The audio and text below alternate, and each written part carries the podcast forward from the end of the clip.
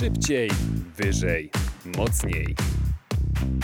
Czyli audycja sportowa w Studenckim Radiu Żak Politechniki Łódzkiej.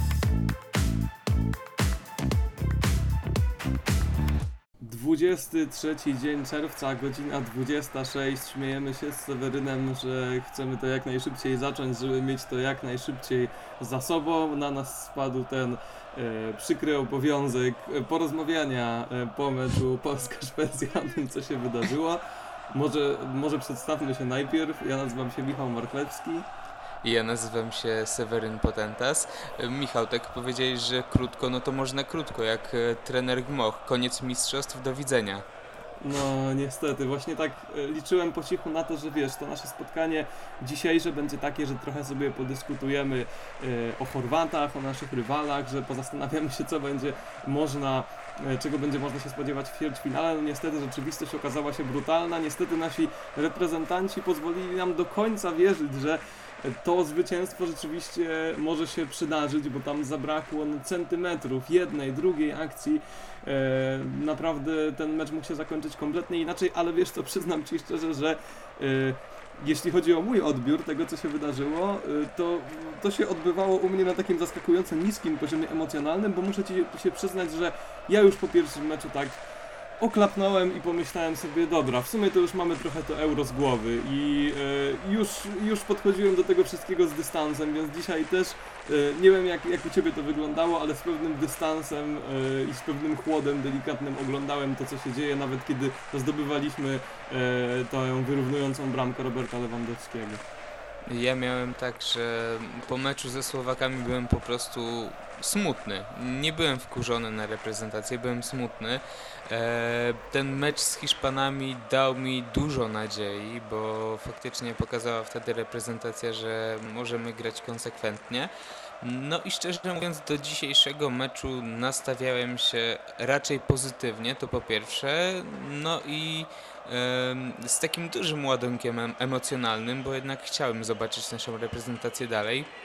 Nie udało się i w zasadzie początek meczu już sprawił, że ten poziom emocji nagle zaczął być minimalnie minimalny po prostu. No właśnie, myślę, że ten początek właśnie był kluczowy i, i, myślę, że ta bramka, wiesz, trochę ustawiła to spotkanie, bo nasi e, wyglądali na trochę zaskoczonych. E, rzeczywiście e, dwa pierwsze mecze nasze na tym turnieju, można reprezentację Polski krytykować za to, co działo się, jeżeli chodzi o całokształt spotkania, ale rzeczywiście te pierwsze minuty, no zwłaszcza z Hiszpanią, ale zachowując skalę i proporcje, także ze Słowacją były całkiem niezłe i do tej pory udawało nam się wychodzić z szatni z taką koncentracją, dobrym nastawieniem, dobrą organizacją, to co Paulo Souza na odprawach zawsze podkreśla, a tutaj no rzeczywiście to wyglądało tak, jakby Szwedzi potrzebowali tego zwycięstwa i potrzebowali tej bramki, e, żeby przejść dalej, a nie my. No ta bramka e, rzeczywiście e, myślę, że ustawiła w dużej mierze to spotkanie i było widać, że też tak zamieszała nam w głowach, bo my do dziesiątej minuty tak naprawdę idei szarży Roberta Lewandowskiego nie potrafiliśmy wyjść z własnej połowy. Według mnie z tych wszystkich meczów na mistrzostwach ta pierwsza połowa w meczu ze Szwedami była chyba najgorszą połową z wszystkich, tak mogę, tak ja uważam po prostu, e, bo z Hiszpanami ok, pierwsza połowa niby ją przegraliśmy 1 do 0, ale widać było chęć gry u naszych reprezentantów i cały czas stwarzali sobie sytuację. W drugiej doprowadzili do remisu. Mm, ze Słowakami ciężko w ogóle o którejkolwiek z y, tych połów mówić o, e, jako o dobrej, mm, no ale myślę, że tutaj w, w meczu ze Szwedami ta, w tej pierwszej połowie nasi reprezentanci byli najbardziej niemrawi. Nie widać było e, chęci, pomysłu. E, ta gra nie kleiła się też za bardzo naszym reprezentantom. E, ale myślę, że to też dużo zależało od tej sytuacji z 18 minuty. Myślę, że jakby tam Robert Lewandowski strzelił jednak tą bramkę, to też inaczej by się to obracało w tej pierwszej i w konsekwencji też w drugiej połowie w meczu ze Szwedami. Ale jak już jestem przy tej sytuacji, no to dla mnie ta sytuacja z 18 minuty, kiedy to Robert Lewandowski najpierw uderzał głową w kozioł i odbiła się piłka od poprzeczki, trafiła ponownie na głowę Lewandowskiego i znów trafił w poprzeczkę, a później gdzieś tam między nogami mm, Lewandowskiego e, przeleciała i nie trafiła w końcu do siatki Szwedów.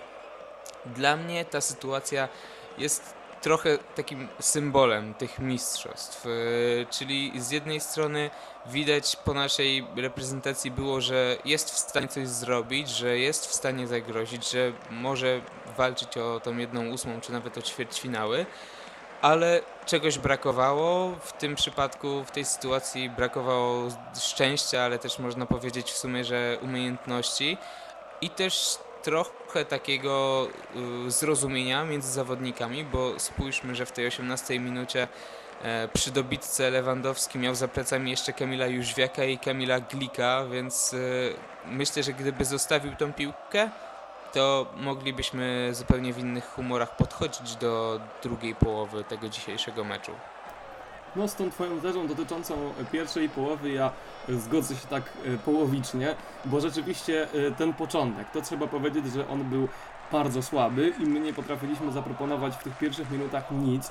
Natomiast, no ja bym podzielił tę pierwszą połowę też na takie co najmniej dwie części, które tak trochę y, swobodnie, płynnie się przenikały, bo jednak ta końcówka, te ostatnie z kolei 10 minut, no przebiegało już pod nasze dyktando. Inna sprawa, że y, my mieliśmy inicjatywę, mieliśmy rzuty rożne, tych rzutów rożnych rzeczywiście było 9, e, ale my zagrożenia z tego konkretnego e, nie, potrafiliśmy stworzyć. Na pewno ta sytuacja z 18 minuty była kluczowa, no no po prostu to jest taka sytuacja, którą trafić trzeba, tak? Pusta bramka 5 metrów, tutaj myślę, że Robert Lewandowski sam doskonale wie, że trafić to musiał. Yy, no i, no i te właśnie dwie sytuacje, ta sytuacja bramkowa dla Szwedów pierwsza i ta sytuacja Roberta Lewandowskiego. No piłka nożna to jest taka gra, której piękna właśnie polega na tym, że kilka centymetrów, jedna sytuacja potrafi całkowicie odwrócić losy tego spotkania, no i ten mecz to potwierdził. Gdybyśmy e, nie stracili tej bramki na początku, gdyby Lewandowski potem strzelił, no to wszystko mogłoby się zupełnie, zupełnie obrócić, bo gdyby wyciąć te akcje bramkowe, to e, w perspektywie całego spotkania my byliśmy drużyną lepszą i byliśmy drużyną przeważającą. Tak, zdecydowanie, ale tutaj bardziej bym mm, podkreślił drugą połowę, bo to w drugiej połowie e, ta dominacja naszej reprezentacji była większa, choć straciliśmy dwie bramki. No ale widać było, że Szwedzi nie za bardzo mają pomysł na to, jak e, wygonić naszą reprezentację z własnego pola karnego i z własnej połowy. W ogóle to, była, zasad... to była, przepraszam, że ci się wetnę słowa, ale myślę, że się zgodzisz, że to była naprawdę słaba druga połowa reprezentacji Szwecji, bo oni wyglądali na mocno bezradnych i w zasadzie sami się prosili o kłopoty. Cofnęli się naprawdę bardzo głęboko i było widać, że płacą cenę za to wysokie tempo, które narzucili od początku. Zgadzam się jak najbardziej. Myślę, że właśnie byli trochę podmęczeni też w tej drugiej połowie.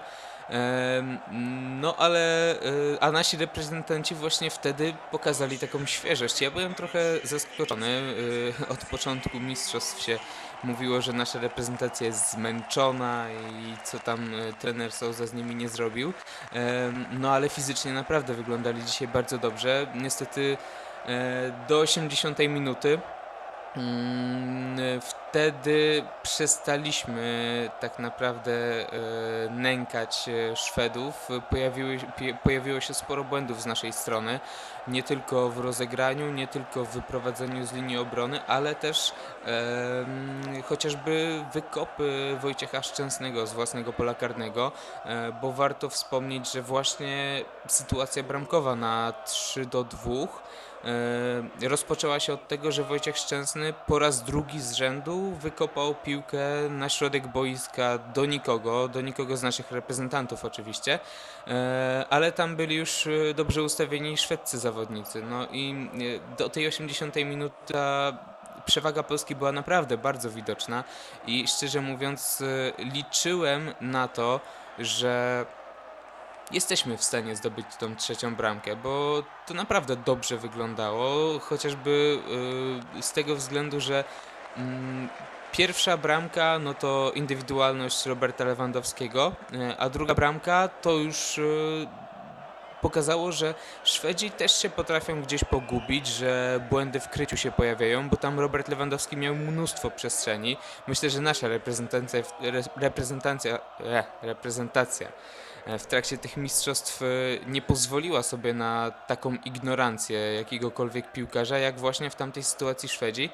I ja byłem bardzo e, podekscytowany tym, jak zobaczyłem, że na tablicy pojawiło się 5 minut doliczonego czasu gry. Na, ja naprawdę wierzyłem, ale w ogóle ten mecz dla mnie to był taki mm, taka trampolina emocji. Na początku smutek, kiedy ta bramka w drugiej minucie się pojawiła Później ten smutek opadł gdzieś totalnie na, na dno, kiedy mm, druga bramka na koncie Szwedów y, Forsberga. No a później wyskoczyłem. Pierwsza bramka Roberta Lewandowskiego, kolejne sytuacje, bramka e, Świerczoka z minimalnego spalonego niestety. E, no i bramka na 2 do 2 i wtedy ja naprawdę miałem nadzieję, nie wiem jak ty Michał, ale ja naprawdę spodziewałem się, że jeszcze coś możemy ugrać. Rzeczywiście, w końcówce tak to wyglądało. No, nawiązując do tego, co mówisz, w ogóle ten turniej był cały roller, roller coasterem emocji i nasi piłkarze zafundowali nam emocje w każdym spotkaniu, bo nawet ten mecz ze Słowacją, który był tragiczny, przecież ta pierwsza e, akcja drugiej połowy, kiedy strzeliliśmy bramkę, kiedy Karol Linetty skierował piłkę do bramki e, Martina Dubrawki, no to też była niesamowita euforia i coś, co myślę, że pomimo tego fatalnego wyniku, no piłka nożna to są chwile, to są momenty, które zapadają w pamięć i myślę, że to będzie taki moment, który ja będę pamiętał długo. Potem też ten mecz z Hiszpanią i ten nieprawdopodobny karny, przecież faul Modera dosłownie sekundy po tym, jak Lewandowski wyrównał na 1 do 1, przestrzelony karny, potem jeszcze ta dobitka Moraty. No w każdym meczu były takie momenty e, mrożące krew w żyłach i e, tutaj było tak samo. E, mówiłeś o tych bramkach Lewandowskiego, no rzeczywiście trochę tak przeszliśmy obok nich, omawiając sobie po kolei to spotkanie, no ale pierwsza bramka Mówiłem o tym, że futbol to momenty, no i to jest też taki moment, do którego będziemy wracać, przy którym będziemy się uśmiechać, nawet wiedząc jak ten turniej się e, skończył, no bramka piękna naprawdę i może gdzieś tam Robert Lewandowski, no już kilka ładniejszych myślę bramek na tym turnieju padło, ale może gdzieś w dziesiątce tych najładniejszych bramek e, w tegorocznym Euro się zmieści. E, druga bramka, no powiem tak, moim zdaniem takie są konsekwencje grania w tak niskiej obronie przeciwko najlepszemu napastnikowi świata. No możesz być świetnie zorganizowany, możesz stać blisko siebie, e, możesz trzymać formację, ale w końcu przyjdzie moment, e, w którym jeden czy drugi piłkarz się pomyli, popełni błąd, zostawi Lewandowskiemu trochę miejsca i tak było w tej sytuacji. No i ta końcówka rzeczywiście, o której mówisz, to jest kolejny e, kluczowy moment. No, tych, tych momentów, w których myśmy mogli odwrócić losy tego spotkania były co niemiara. Zresztą jakbyśmy na całe euro tak patrzyli, no to, to, to tych momentów też było dużo. Po bramce Linettego ze Słowacją, to, że nie byliśmy w stanie pójść za ciosem. To kolejny taki moment, który mi do głowy przychodzi, który mógł wszystko kompletnie odwrócić. Ta końcówka rzeczywiście po tej bramce Lewandowskiego liczyłem na trochę więcej. Myślałem, że tych sytuacji będzie trochę więcej, a my nie tylko e, nie stwarzaliśmy tak wielu okazji, a, a tam przecież było 10 minut. Jak doliczymy, policzymy sobie łącznie e, to, co zostało do końca regulamin, regulaminowego czasu gry i to, co angielski sędzia doliczył, to, to 10 minut było, więc całkiem sporo czasu.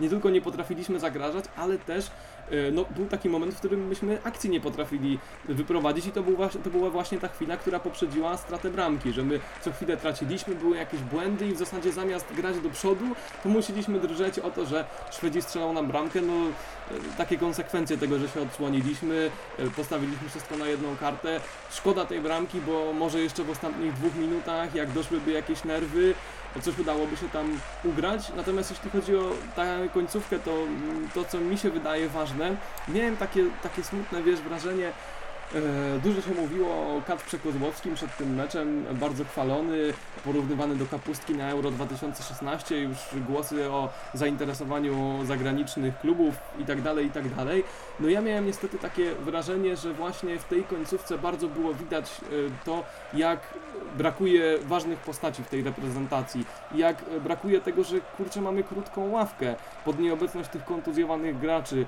Ta lista no jest bardzo długa, Bielik, Góralski, Piątek, yy, Milik, Milik, tak? brakowało po prostu i, i niestety miałem wrażenie, że ci, którzy weszli z ławki, myślę tutaj o Świerczoku, myślę tutaj właśnie o Kacprze Kozłowskim, myślę o Płachecie, o Frankowskim, oni właśnie najczęściej te niedokładności popełniali i często to na nich kończyły się te nasze akcje. Prawda, choć do tego grona dzisiaj bym nie zaliczał Frankowskiego, bo naprawdę po wejściu zaprezentował się dobrze. E, mnóstwo wiatru robił tam na lewej stronie, mimo że w zasadzie grał na pozycji totalnie niepasującej pod profil tego zawodnika, bo musiał spełniać wtedy rolę wahadłowego i jeszcze będąc prawonożny na, na lewej stronie, no wiadomo, Jóźwiak tak samo gra po prawej stronie, no ale myślę, że dla e, Frankowskiego mógł być to większy przeskok, ale naprawdę dobrze się według mnie zaprezentował. Często tam nękał z tamtej strony Szwedów, zresztą też e, dużo sytuacji e, po jego akcjach e, nasza reprezentacja, reprezentacja miała. Mm, I właśnie chyba też to dzięki wrzutce bodajże Frankowskiego tam się znalazło miejsce dla Roberta Lewandowskiego przy golu na 2 do 2. Już nie pamiętam, ale na pewno z tamtej strony szło mm, podanie. W ogóle tak podsumowując te mistrzostwa w wykonaniu naszej reprezentacji, to zauważyłem, że to o czym mówił Paulo Souza e, jeszcze już w trakcie mistrzostw, czyli o tym, że trzeba zmienić nastawienie polskich piłkarzy i w ogóle system, w jaki, w jaki w jaki sposób gra nasza reprezentacja, czyli e, że faktycznie jesteśmy w stanie rywalizować z tymi większymi, ale musimy się nauczyć grać e, piłką, bo E, jeżeli chodzi o przód, to nam to wychodziło. To faktycznie potrafiliśmy kreować sobie sytuację, czy to w meczu ze Słowakami, było ich oczywiście jak na lekarstwo, ale były.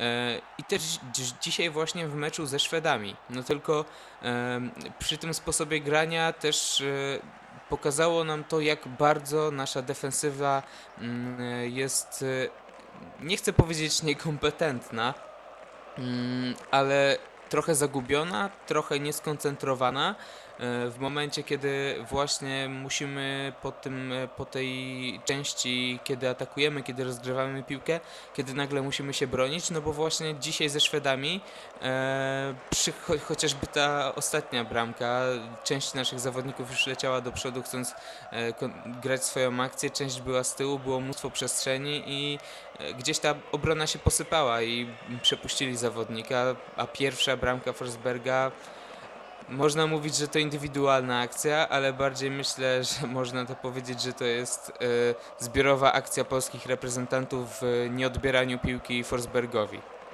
No to rzeczywiście jest problem w kadrze Sołzy duży ta obrona.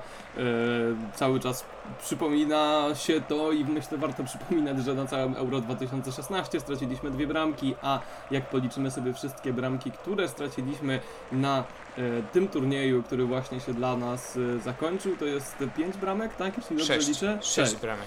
I Sześć cztery bramek. strzelone no to już, już w sumie po tym pierwszym meczu Paulo Souzy z Węgrami było widać, że, że może być różnie. No tutaj dochodzimy do tego, ja, ja słuchałem waszej e, dyskusji po tych wcześniejszych meczach Polaków, w której nie uczestniczyłem. E, potem słuchałem sobie po czasie nagrania, no i, no i zgadzam się z tą tezą, którą tam, e, która tam się pojawiała, tak, że, że tutaj wychodzi właśnie to, że Paulo Souza nie dostał czasu, że ta drużyna często powtarzał, że ma być well organized, że ma być dobrze zorganizowana, no ale niestety tyłach wyglądała bardzo, bardzo słabo i to była nasza pięta achillesowa, właśnie ta obrona. Ja bym jeszcze chciał, zanim tak ogólnie przejdziemy właśnie do rozmowy o, e, o tym turnieju, e, jeszcze pochylić się chwilę nad tym meczem ze Szwedami, bo wywołałeś tutaj temat takiej indywidualnej oceny piłkarzy. Ja trochę e, użaliłem się, e, jeżeli chodzi o, o tych zmienników.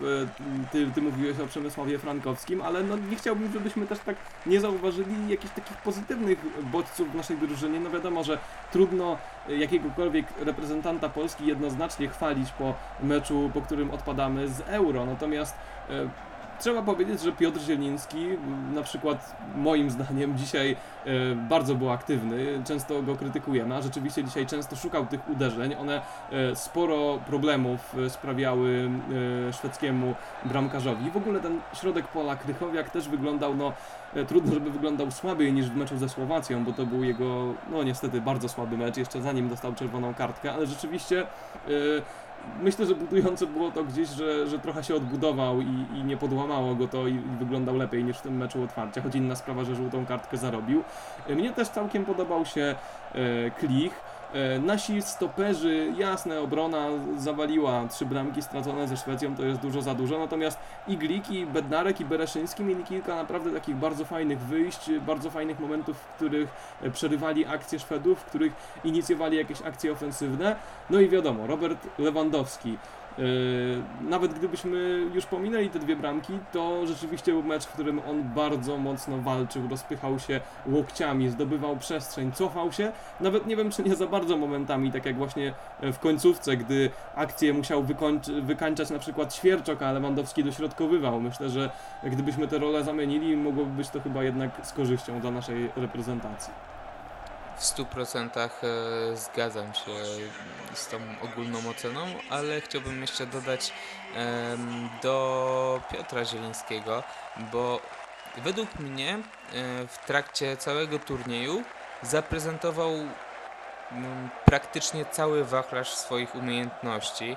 W meczu ze Słowakami błyszczał takimi indywidualnymi pojedynkami, kiedy to wchodził właśnie w dribbling z przeciwnikami, kiedy to potrafił e, przyjąć sobie kierunkowo piłkę i odskoczyć dwóm przeciwnikom. E, w meczu z Hiszpanami bardzo mi zaimponował grą w defensywie. Ja naprawdę nigdy chyba nie widziałem tak zaangażowanego w defensywę Piotra Zielińskiego. E, no a dzisiaj e, w meczu ze Szwedami właśnie ta indywidualność, e, którą było, były strzały z dystansu. Szkoda tylko, że żaden nie trafił w, do bramki. Mm, zabrakło mi jeszcze w ciągu całego turnieju tych asyst, tych podań otwierających drogę do bramki. No ale może jak byłby czwarty mecz, ja w ogóle mam taki e, postulat, jeśli chodzi o to spotkanie. Jasne jestem jak e, najbardziej daleki od tego, żeby chwalić naszych reprezentantów za to, co dzisiaj pokazali, bo no, skuteczności im zabrakło. Natomiast mam taki postulat, nie dowalajmy naszym reprezentantom za ten mecz dzisiejszy, bo naprawdę dzisiaj nie zaprezentowali się źle, mieli dobre momenty, bardzo długo przeważali. Jasne, że robili byki w obronie, które są niedopuszczalne, nie można dawać Szwecji trzy bramki strzelić, no ale też takie drobne rzeczy często o tym, o tym zwycięstwie Szwedów zdecydowały, jak właśnie ta otwierająca akcja, jak to, że Lewandowski nie trafił w meczu z Hiszpanami, to my mieliśmy trochę szczęścia w tych drobnych rzeczach, tak, gdzie e, koło 80 minuty był taki moment, gdzie naprawdę mieliśmy tam więcej szczęścia niż rozumu, powiedziałbym, no kilkukrotnie bardzo rozpaczliwie Szczęsny do spółki z Bereszyńskim wybijał piłkę i to się udawało. Ja mam taki postulat, nie dowalajmy reprezentantom naszym e, za ten mecz, zwłaszcza, że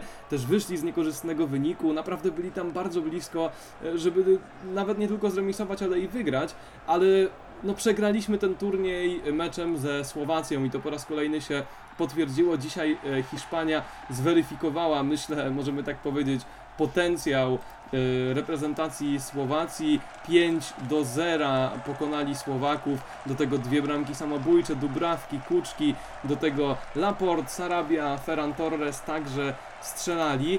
No, my zeszliśmy w tym meczu ze Słowakami jakby poniżej takiego poziomu, poniżej którego schodzić nie możemy. Gdyby tam były trzy punkty, ten mecz ze Szwecją mógłby, mógłby być meczem dwóch zespołów, które są na czele grupy i w zasadzie są już niemal pewne awansu. Te dwa mecze, zwłaszcza z Hiszpanią, no to, to, to było naprawdę dobre spotkanie, ale także ze Szwecją, były na odpowiednim, turniejowym poziomie. Zawaliliśmy ten mecz pierwszy. Gdyby tam były trzy punkty, a być powinny po prostu, bo Słowacja jest drużyną dużo słabszą od nas, e, to bylibyśmy, prawdopodobnie właśnie rozmawialibyśmy o tym, z kim się zmierzymy na Parken w Kopenhadze ale też za ten mecz ze Słowakami myślę, że nie musimy, e, jak to powiedziałeś, dowalać naszym reprezentantom, no bo oni są świadomi, że to wtedy skończył się ich turniej i oczywiście skończył się dzisiaj, ale e, wtedy się to wszystko zaczęło e, i na pewno też trener Souza, który jest dobrym motywatorem i próbował jakoś wpłynąć na morala e, reprezentacji jeszcze po tym meczu. Z Hiszpanami się udało, z Szwedami niestety nie, no ale powiem Ci szczerze, że to jest impreza, która według mnie nie, nie kończy się dla nas, dla Polaków, dla naszej reprezentacji smutno. Ok, zdobyliśmy jeden punkt, ok, nie wygraliśmy żadnego meczu, mm, ale ja na przykład bardzo jestem zadowolony e, z tak krótkiej pracy y, Paulo Souzy, bo ja faktycznie poczułem, że coś z tą reprezentacją się ruszyło, że nie powielamy jakichś y, tych zagrań, które były popularne e, w kadrze Brzęczka, czyli to tak zwana w memach laga na Lewandowskiego, tylko faktycznie staramy się coś z tą piłką robić, a ewentualne dośrodkowania które dzisiaj ze Szwedami były oczywiście częste, no ale to jest efekt y, już y, w momencie, kiedy nie jesteśmy w stanie nic z tą piłką zrobić. No myślę, że w ogóle ja po tym pierwszym meczu byłem dość mocno rozbity grą naszej reprezentacji. Myślę, że takie porażki po takim meczu jak dzisiaj, gdzie tak jak rozmawiamy nawet o konkretnych piłkarzach, naprawdę trochę pozytywów możemy wyłuskać. Nasi było widać, że zostawili serce, że jak to uwielbiają mówić piłkarze, dali z wątroby na boisku. No takie porażki bolą mniej niż to, co pokazaliśmy ze Słowacją, gdzie po prostu yy, no zawaliliśmy ten mecz, mówiąc wprost i tak jak mówisz, i nasi piłkarze i Paulo Souza doskonale yy, o tym wiedzą, pewnie długo się jeszcze będzie dyskutować o tym meczu, wiadomo, różne tam kontrowersje wokół niego narosły i te markery zmęczeniowe, gdzie Tomasz Smokowski twierdzi, że je widział, Tymoteusz Puchacz twierdzi, że markery to widział tylko do podpisywania piłek. E, jakieś tam e, wiadomości Michała Zawadzkiego, jeśli dobrze pamiętam, że e, teoretycznie nasz sztab miał zlekceważyć ten pierwszy mecz. No nie wiem ile może być w tym prawdy, wiedząc, że jednak Paulo Souza jest profesjonalistą, nawet do bólu czasem. Pewnie jeszcze długo będziemy gdzieś tam o tym dyskutować, gdzieś tam się nad tym zastanawiać, natomiast no myślę, że zwłaszcza ten mecz z Hiszpanią był takim, mam nadzieję, papierkiem lakmusowym, był, był probierzem potencjału tej drużyny, bo e, jeśli chodzi o kadrę Brzęczka, to jej wyróżnik to właśnie było to, że z jednej strony punktowaliśmy e, z tymi słabszymi rywalami, z jednej strony e, wypełnialiśmy jakby wszystkie założone cele, kiedy szło nam rywalizować, nie wiem, z Izraelem na przykład, chyba najlepszy mecz za Brzęczka obok tego debiutanckiego z Włochami w Bolonii, ale właśnie w meczach z tymi drużynami stopu, zwłaszcza Liga Narodów, gdzie tę grupę mieliśmy no, wybitnie silną, nam to boleśnie pokazała, bardzo odstawaliśmy. E, to myślę jest bardzo pozytywne, jeśli chodzi o Paulo Souza. Już na Wembley byliśmy kilka minut, jeśli dobrze pamiętam, od tego, żeby wywieźć remis z ekipą Gareta Southgate'a, a tutaj z Hiszpanią też udało nam się urwać punkty, więc e, też mam takie wrażenie, że jeśli chodzi o tę kadrę, coś się ruszyło, ale na pewno byłoby jeszcze lepiej, gdyby Paulo Souza miał więcej czasu, bo tego czasu było widać, że miał mało. Cały czas trochę nie rozumiem, dlaczego sam sobie ten czas odebrał, tak? Czyli e, z tego e, sprawił sam, że miał tych meczów o dwa mniej, wystawiając rezerwowych e, w meczach e. Nie mieliśmy okazji się tam spróbować. Myślę, że gdyby miał więcej czasu, e, no ale już sobie o tym rozmawialiśmy i doszliśmy do wniosku, że rzeczywiście tak jest. Ja bym się skupił na tym, co przed nami, jeśli chodzi o Paulo Souza, bo z jednej strony dyskusja e, w Polsce, czy Paulo Souza powinien zostać, czy nie. Wiadomo, że tu wiele zależy od też wyborów na prezesa PZPN-u. Tam Marek Koźmiński zdaje się odniósł się do tego w jednym z wywiadów. Nie chciał jednoznacznie deklarować, czy on by Souzę zostawił, czy nie. Wiadomo, że Boniek by zostawił, ale Boniek odejdzie za stanowiska. No ale pytanie, czy sam Souza będzie chciał, bo tutaj e, ponoć e, Jorge Mendes e, bardzo aktywnie działa i tutaj Turcy w grę wchodzili i kilka dni temu pojawiała się informacja o włoskiej La Spezii. No i pytanie, jak będzie wyglądała ta przyszłość dalej, jeśli chodzi o reprezentację Polski i Paulo Souza. Jak, jak uważasz, Seweryn, co by było najlepsze? E, czy jesteś zwolennikiem tej opcji, żeby Souza został i czy myślisz, że rzeczywiście zostanie, bo to może różnie się potoczyć? Szczerze, dla mnie to, co się stanie z Paulo Souzą po mistrzostwach, to jest totalnie nieprzewidywalne. Jak już wspomniałeś, że to zależy od tego, między innymi, jak to się potoczą losy, jeśli chodzi o wybór e, nowego prezesa PZPN-u. E, też e, na pewno oferty, które trafiają na stół menadżera Paulo Souza są bardzo konkretne. Więc sam Paulo Souza myślę, że nie będzie miał problemu z tym, żeby z naszą reprezentacją się pożegnać, kiedy po prostu zarząd y, PZPN-u stwierdzi, że, że to koniec, że, że powinien się pożegnać. A i, tak y, i w zasadzie zależy też jak PZPN do tego podejdzie. Czy podejdzie mm, w taki sposób, że będzie analizował po prostu wyniki, jakie osiągał Paulo Sousa z reprezentacją, no to wiadomo, że pod tym względem Paulo Sousa się nie broni. E, W mnóstwo przeciwieństwie, re- do, w przeciwieństwie do Jerzego Brzęczka chciałbym zauważyć No akurat. tak, no To tak. była rzecz, no która tak. bardzo go broniła. No tak, i, i, i właśnie ciężko jest interpretować ten początek Paulo Souzy w naszej reprezentacji, ale też, e, no właśnie, na przykład u Jerzego Brzęczka ten pierwszy mecz to też był pierwszy mecz Manciniego jako trenera e, reprezentacji Włoch i też mnóstwo takich małych elementów się składało na to, że mimo wszystko e, ta kadra Jerzego Brzęczka zdobywała punkty, zdobywała eliminację do, do mistrzostw e, i po prostu wygrywała mecze. Mm, U Paulo Souzy e, tak naprawdę od początku to jest kombinowanie, jeżeli chodzi o to, kogo chce mieć tak naprawdę w reprezentacji. Zauważmy, że na początku był tam i Szymański, był i Grosicki, teraz Grosickiego, Szymańskiego nie ma. Wspomniałeś o tym, że sam sobie odebrał dwa mecze przed e, mistrzostwami, ale według mnie to on sobie tymi dwoma meczami otworzył e, większy, większą ścieżkę tak jakby do tego, żeby em, móc jakiekolwiek zmiany w trakcie mistrzostw robić, bo widział jak ci piłkarze sobie mogą poradzić w meczu, e, nie w meczu treningowym, tylko w meczu z powiedzmy poważnym przeciwnikiem. E, dlatego nie uważam, żeby to były mm, stracone stracone mecze. No okej, nie grała pierwsza reprezentacja wtedy, nie, nie, nie mogli się dograć, ale też na samych mistrzostwach Paulo Souza nie był pewien, jaki skład też e, będzie wychodził na boisko. E, I oczywiście nie chodzi tu o jakieś niezdecydowanie Paulo Souzy, tylko chociażby o to, że e, stara się mimo wszystko indywidualnie podchodzić do każdego przeciwnika i to jest też taki plusik, który warto postawić przy właśnie nazwisku Paulo, Paulo Souzy, bo nie było czegoś takiego za kadry Brzęczka, nie było czegoś takiego też za Nawałki e, i mimo to... No nie e, wiem, tutaj, tutaj, przepraszam, że ci się wetnę, ale akurat tutaj bym polemizował trochę z e, tym nawałką, bo uważam, że na przykład takie Euro 2016 to był modelowy przykład rozczytania każdego rywala. Jak przypomnę sobie, nie wiem, mecz z Irlandią Północną nawet, gdzie my byliśmy, mieliśmy jedną okazję, ale byliśmy do bólu skuteczni dowieźliśmy zwycięstwo. Przede wszystkim mecz z Niemcami, gdzie myśmy Niemców świetnie zneutralizowali. Ja na przykład właśnie po tym meczu z Hiszpanią pomyślałem sobie, że okej, bardzo podziwiam Paulo Souza, ale na przykład ten mecz z Niemcami na Euro dla mnie cały czas jest półkę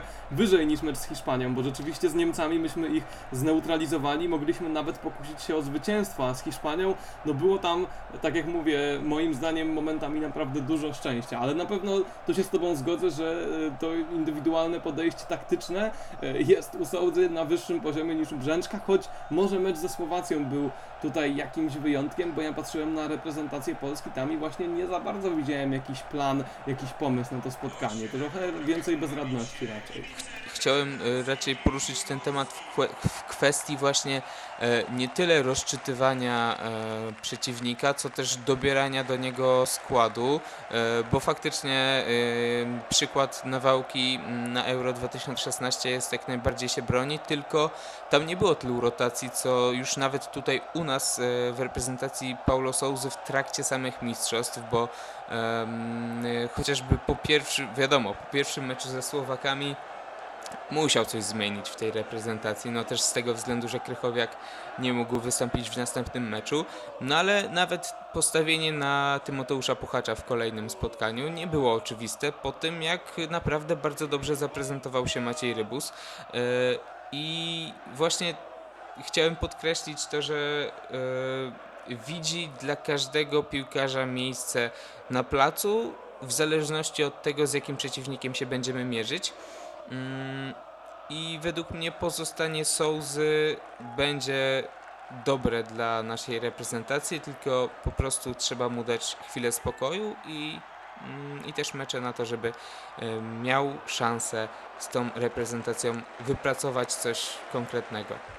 Zgadzam się z Tobą, powiedziałbym wręcz, że, że ja widzę to tak, że pozostanie Souzy, kwestia tego, czy on zostanie, czy nie, jest wręcz kluczowe dla dalszych losów tej kadry, bo musimy pamiętać, że ta drużyna jest też w dość trudnym momencie, bo no mówmy się, to nasze rozpoczęcie eliminacji Mistrzostw Świata, no nie było idealne, bo e, przegraliśmy z Anglikami, choć mogliśmy zremisować, choć nikt tego nie oczekiwał. Przede wszystkim straciliśmy punkty z Węgrami, gdzie powinniśmy byli wygrać. No, wygraliśmy na szczęście z Andorą, jedyny rywal, e, którego jak na razie Souza pokonał. No i naprawdę yy, prawdopodobnie będziemy musieli się bić w najlepszym wypadku w barażach do miejsca na Mistrzostwach Świata i to nie jest wcale pewne, że my tam pojedziemy. Może się zdarzyć, że będzie to pierwszy turniej od Mistrzostw Świata w Brazylii, gdzie może reprezentacji Polski zabraknąć. Nie mówię, że tak będzie, ale mówię, że ta sytuacja nasza w grupie nie jest prosta.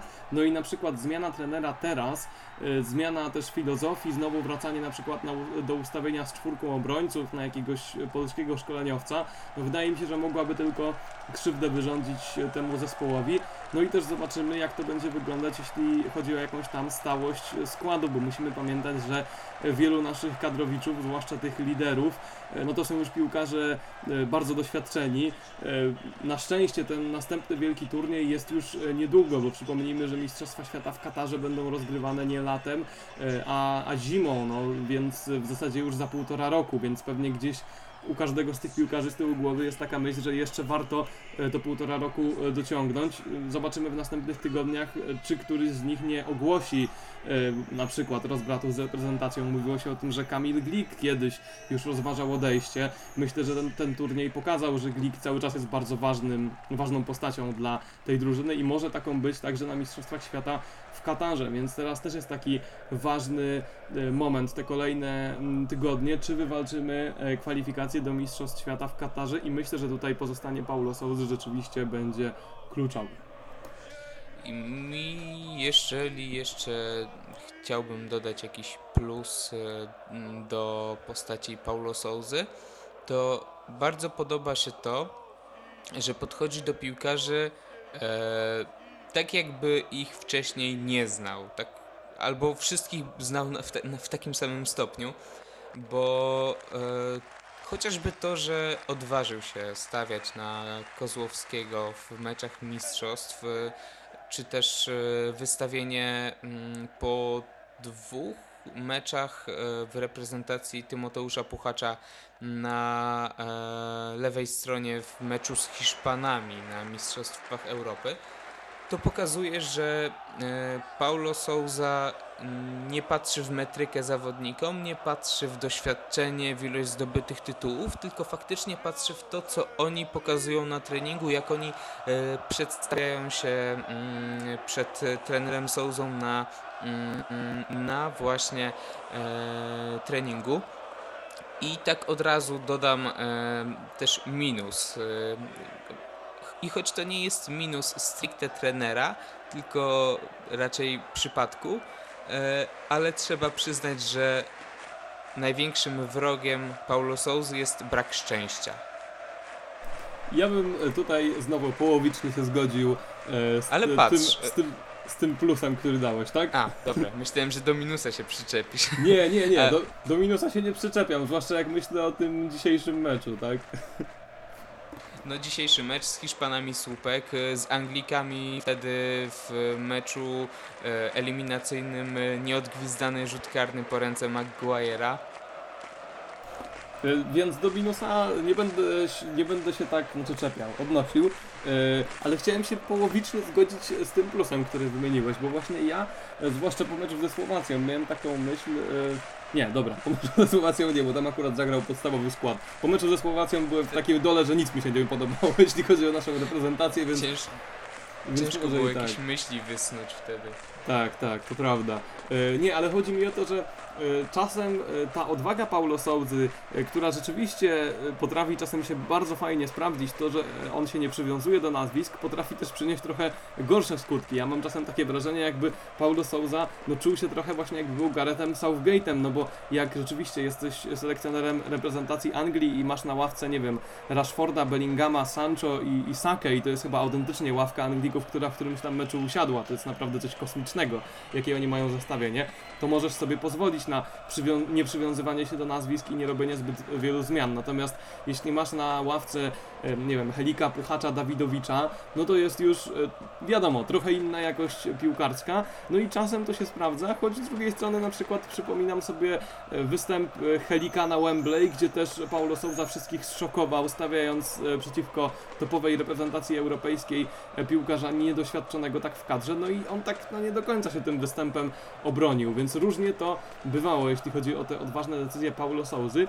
Ja bym proponował, żebyśmy może e, ten wątek e, reprezentacji Polski przymknęli, bo pewnie jeszcze będziemy o tym długo dyskutować, e, o tym co nie wyszło, dlaczego nie wyszło, dlaczego się z tym euro żegnamy, bo no kurczę, naprawdę brakowało tak, tak niewiele, żeby te mecze się trochę inaczej potoczyły. Tutaj słupek, tutaj to, że nie potrafiliśmy dokręcić śruby w meczu ze, ze Słowacją. No było wiele momentów, w których to się mogło odwrócić i bardzo niewiele zabrakło do tego awansu. No to nie jest e, kazus Mistrzostw Świata w Rosji kadry Nawałki, która po prostu zawaliła na całej linii i trudno było tam cokolwiek pozytywnego wyciągnąć.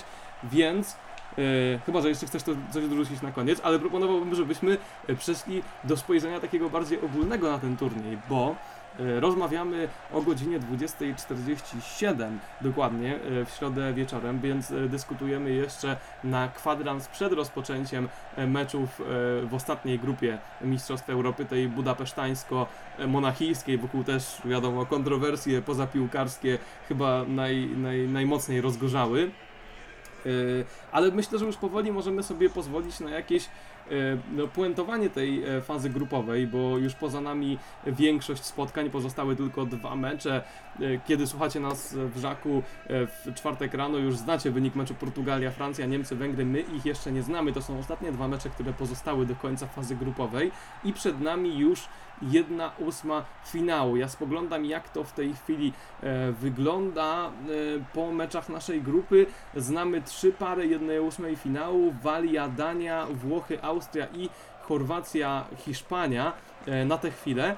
E, Seweryn, jak, e, jak w ogóle, jakie masz wrażenia po tej fazie grupowej? Kto na tobie zrobił największe wrażenie? W kim upatrujesz, upatrujesz faworyta? Czy może twoje poglądy na to, kto będzie najgroźniejszy na euro jakoś się zmieniły e, w stosunku do tego, co myślałeś sobie przed turniejem? Jak, jak byś podsumował to, co się działo przez te ostatnie dni?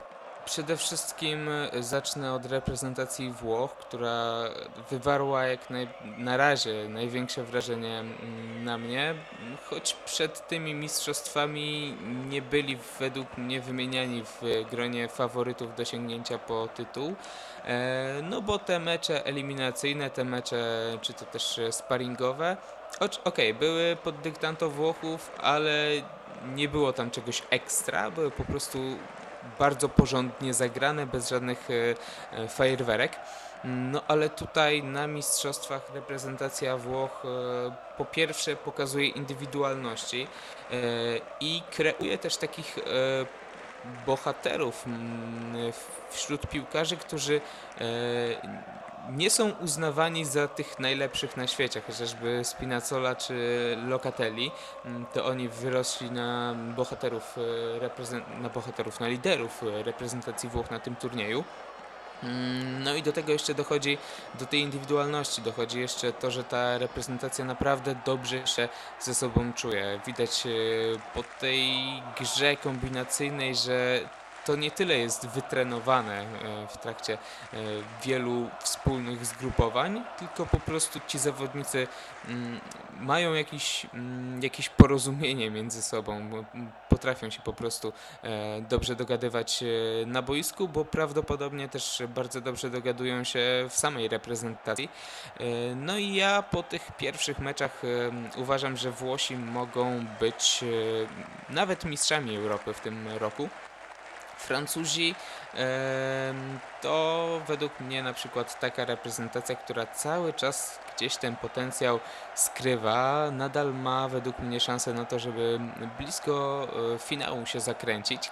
No ale te pierwsze mecze, te dwa dotychczasowe mecze Francuzów e, w grupie były takie nieznośne trochę dla kibiców. Y, najpierw y, mecz z Niemcami, ok, wygrany, ok, Francja tam była lepsza, mm, no ale też to nie był zbyt udany, to nie był taki mistrzowski mecz w wykonaniu Francuzów.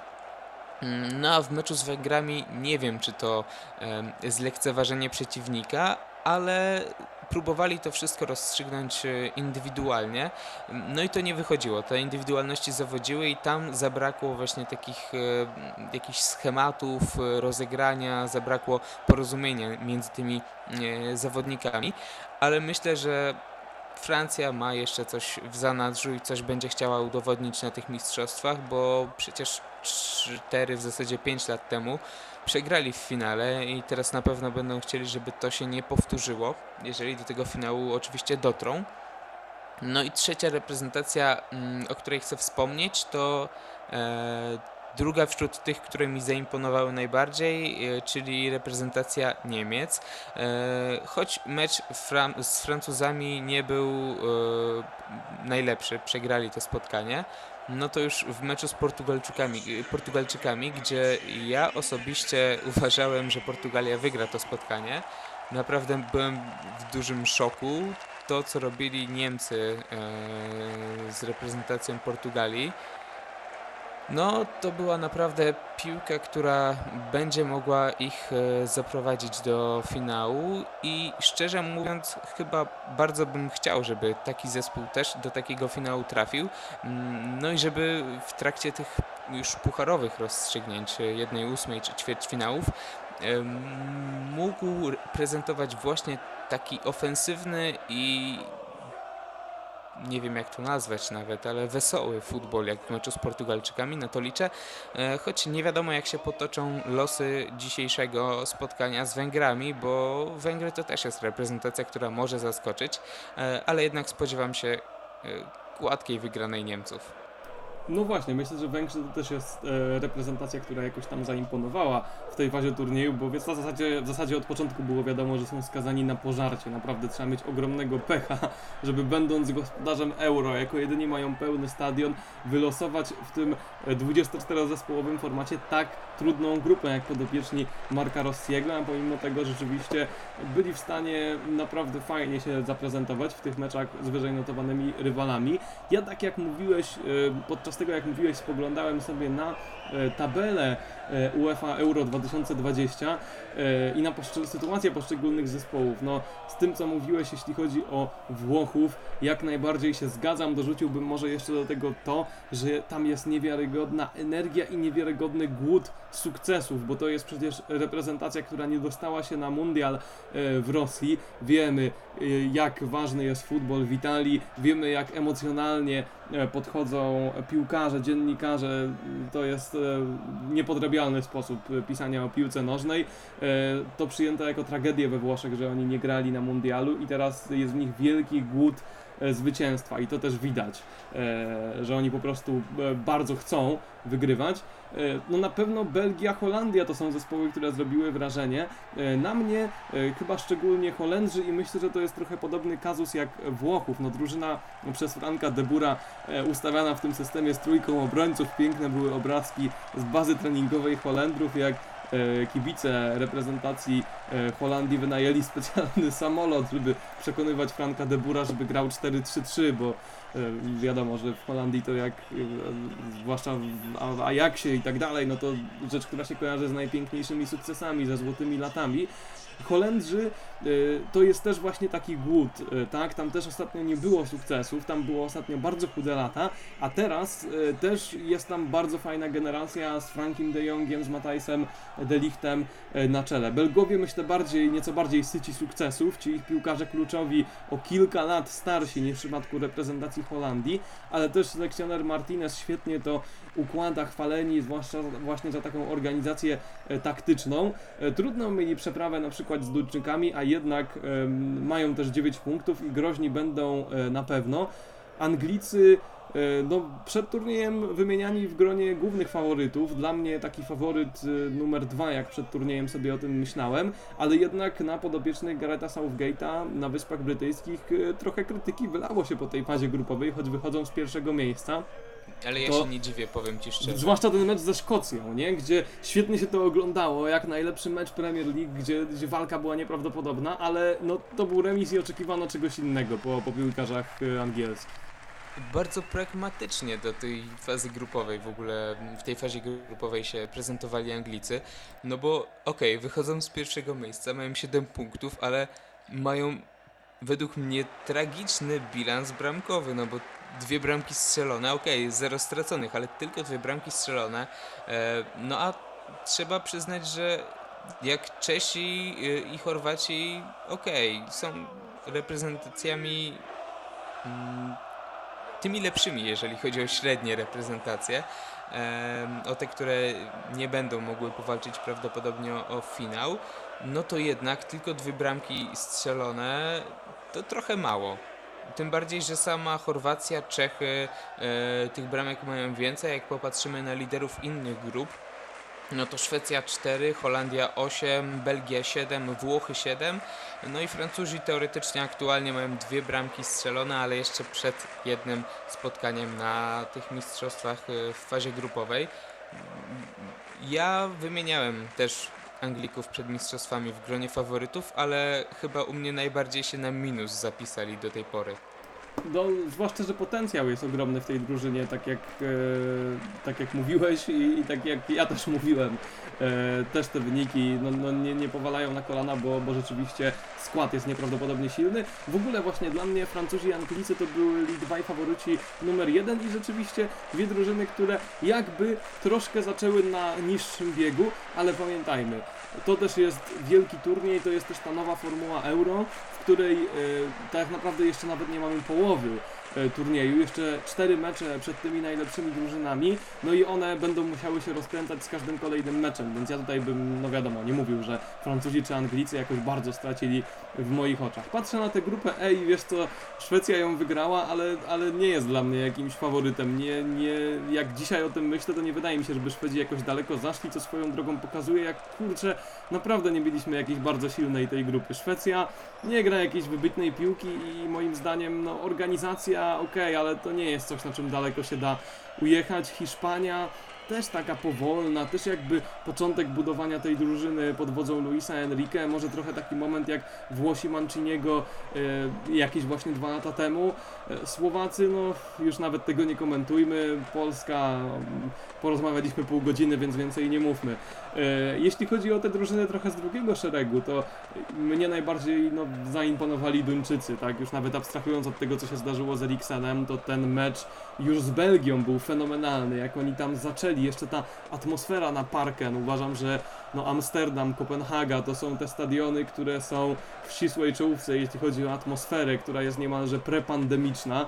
E, I, i, I w ogóle ten mecz właśnie Belgów z Duńczykami, to nie wiem, czy to nie jest dla mnie najbardziej wciągające spotkanie, jakie widziałem w fazie grupowej. No i też Czesi. Ja mam na potwierdzenie nagranie radiogrzanki, którą e, Oskar Bugajny robił dzień przed startem Euro. E, ja wtedy powiedziałem, że dla mnie, jeśli miałbym wytypować czarnego konia, to po cichu trzymam kciuki za Czechów. Oskar wtedy powiedział Turcja, więc nie będę ukrywał, mam cichą satysfakcję. Czesi też mi się podobają e, w tym turnieju, naprawdę. Patryk Sik naprawdę bardzo dobrze pokazuje, że może być liderem tej reprezentacji, ale jeżeli chodzi o te zespoły z drugiego szczebla, to ja bym dodał na przykład Walię. E, Okej, okay, ze, Szwajcari- ze Szwajcarami zremisowali, mecz z, z Turkami wygrali e, tylko, tylko, wygrali 2-0. Mm, No ale w trakcie całych rozgrywek grupowych widać było, że e, oni się cieszą tą piłką, że ta piłka im nie przeszkadza e, i też dosyć mm, rozważnie to wyglądało z tyłu. Nie popełniali, pr- przynajmniej w meczu z Turkami, ale to też cięż, ciężko się odnieść jakkolwiek, no bo w meczu z Turkami na mistrzostwach nikt nie popełniał błędów w defensywie. No ale ze Szwajcarami też to dobrze wyglądało. No Włosi na Walijczyków wyszli z, w drugim garniturze, więc ciężko to oceniać, ale ja bym jakiś tam. Ja będę na pewno trzymał kciuki za tą reprezentację i myślę, że będzie jeszcze jakaś szansa, żeby się pocieszyć mm, dalej walijską piłką. E, No i mi na przykład e, na początku mm, imponowali Ukraińcy, no ale ta e, form, szczególnie w meczu z Holendrami, e, mecz z Macedonią też był udany, no ale z Austriakami już kompletnie nie wyszedł. E, no i tak pół żartem, pół serio z tych średnich reprezentacji Hiszpania też wygląda na dobrą. No to po, powiedz szybko, bo czas nas goni. Właśnie jakbyś miał wytypować jakiś taki mecz, który najbardziej Ci się podobał, które zobaczyłeś w fazie grupowej, to które mecze by to były, które będziesz wspominał za jakiś czas, jako Ty kojarzący się z Euro 2020? O, na pewno będę kojarzył mecz reprezentacji Polski z Hiszpanią. No i, i mimo, że to nie była najlepsza piłka, no to mimo wszystko e, gdzieś tam ten sentyment do tego spotkania pozostanie. E, ale chyba z tej fazy grupowej to dla mnie mecz Portugalia-Niemcy był tym najbardziej atrakcyjnym.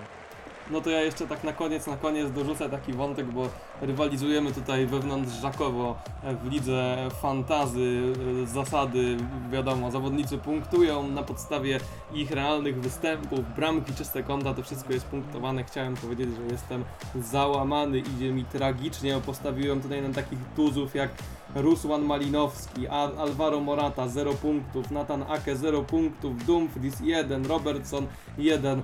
Naprawdę jest tragicznie. Każda kolejka wygląda fatalnie. Chyba Antek Figlewicz prowadzi, jeśli dobrze pamiętam, czyli głos znany z poranka z audycji sportowych i nie tylko. Seweryn, no nie będę udawał, wyprzedzasz mnie. Idzie ci lepiej. Ale powiem ci szczerze, że boję się tam zaglądać po pierwszej kolejce, kiedy zobaczyłem, że e, Gareth Southgate postanowił na lewej stronie postawić na e, Trippiera zamiast na Lukaszoła i wtedy się wkurzyłem. Stwierdziłem, że koniec, e, po fazie grupowej zrobię transfery, ale do końca fazy grupowej żadnego zaglądania w fantazy Euro 2020. Southgate w ogóle mam wrażenie jest trochę takim Pepem Guardiolą tego Euro. Guardiola znienawidzony przez wszystkich graczy fantazy Premier League za to, że ciągłe rotacje przeprowadza, no i Southgate robi tak samo. Ja na przykład zainwestowałem w Bena Chilwella przed pierwszym meczem, myśląc, a przyjedzie z Chelsea, zwycięzca Ligi Mistrzów, no i jak zobaczyłem skład wyjściowy drużyny angielskiej, to mówiąc delikatnie się nie ucieszyłem. Yy, dobrze, czas nas goni, mówię, yy, bo, bo godzina, yy, tak, tak sobie godzinę przegadaliśmy, ale rzeczywiście no, działo się tyle, że jest o czym e, dyskutować. Poza tym właśnie rozpoczęły się mecze grupy F, więc zaraz będziemy też to sobie na pewno oglądać i dyskutować w Studenckim Radiu Żak Politechniki Łódzkiej. To był format SWM Extra. My oczywiście słyszymy się w niedzielę w audycji szybciej, wyżej, mocniej między 18 a 20, już o tradycyjnej porze, e, na którą już teraz serdecznie Was e, zapraszamy, a za tę godzinę wspólnych dyskusji na temat Mistrzostw Europy dziękuję Wam Seweryn Potentas. i Michał Marchlewski. Do usłyszenia.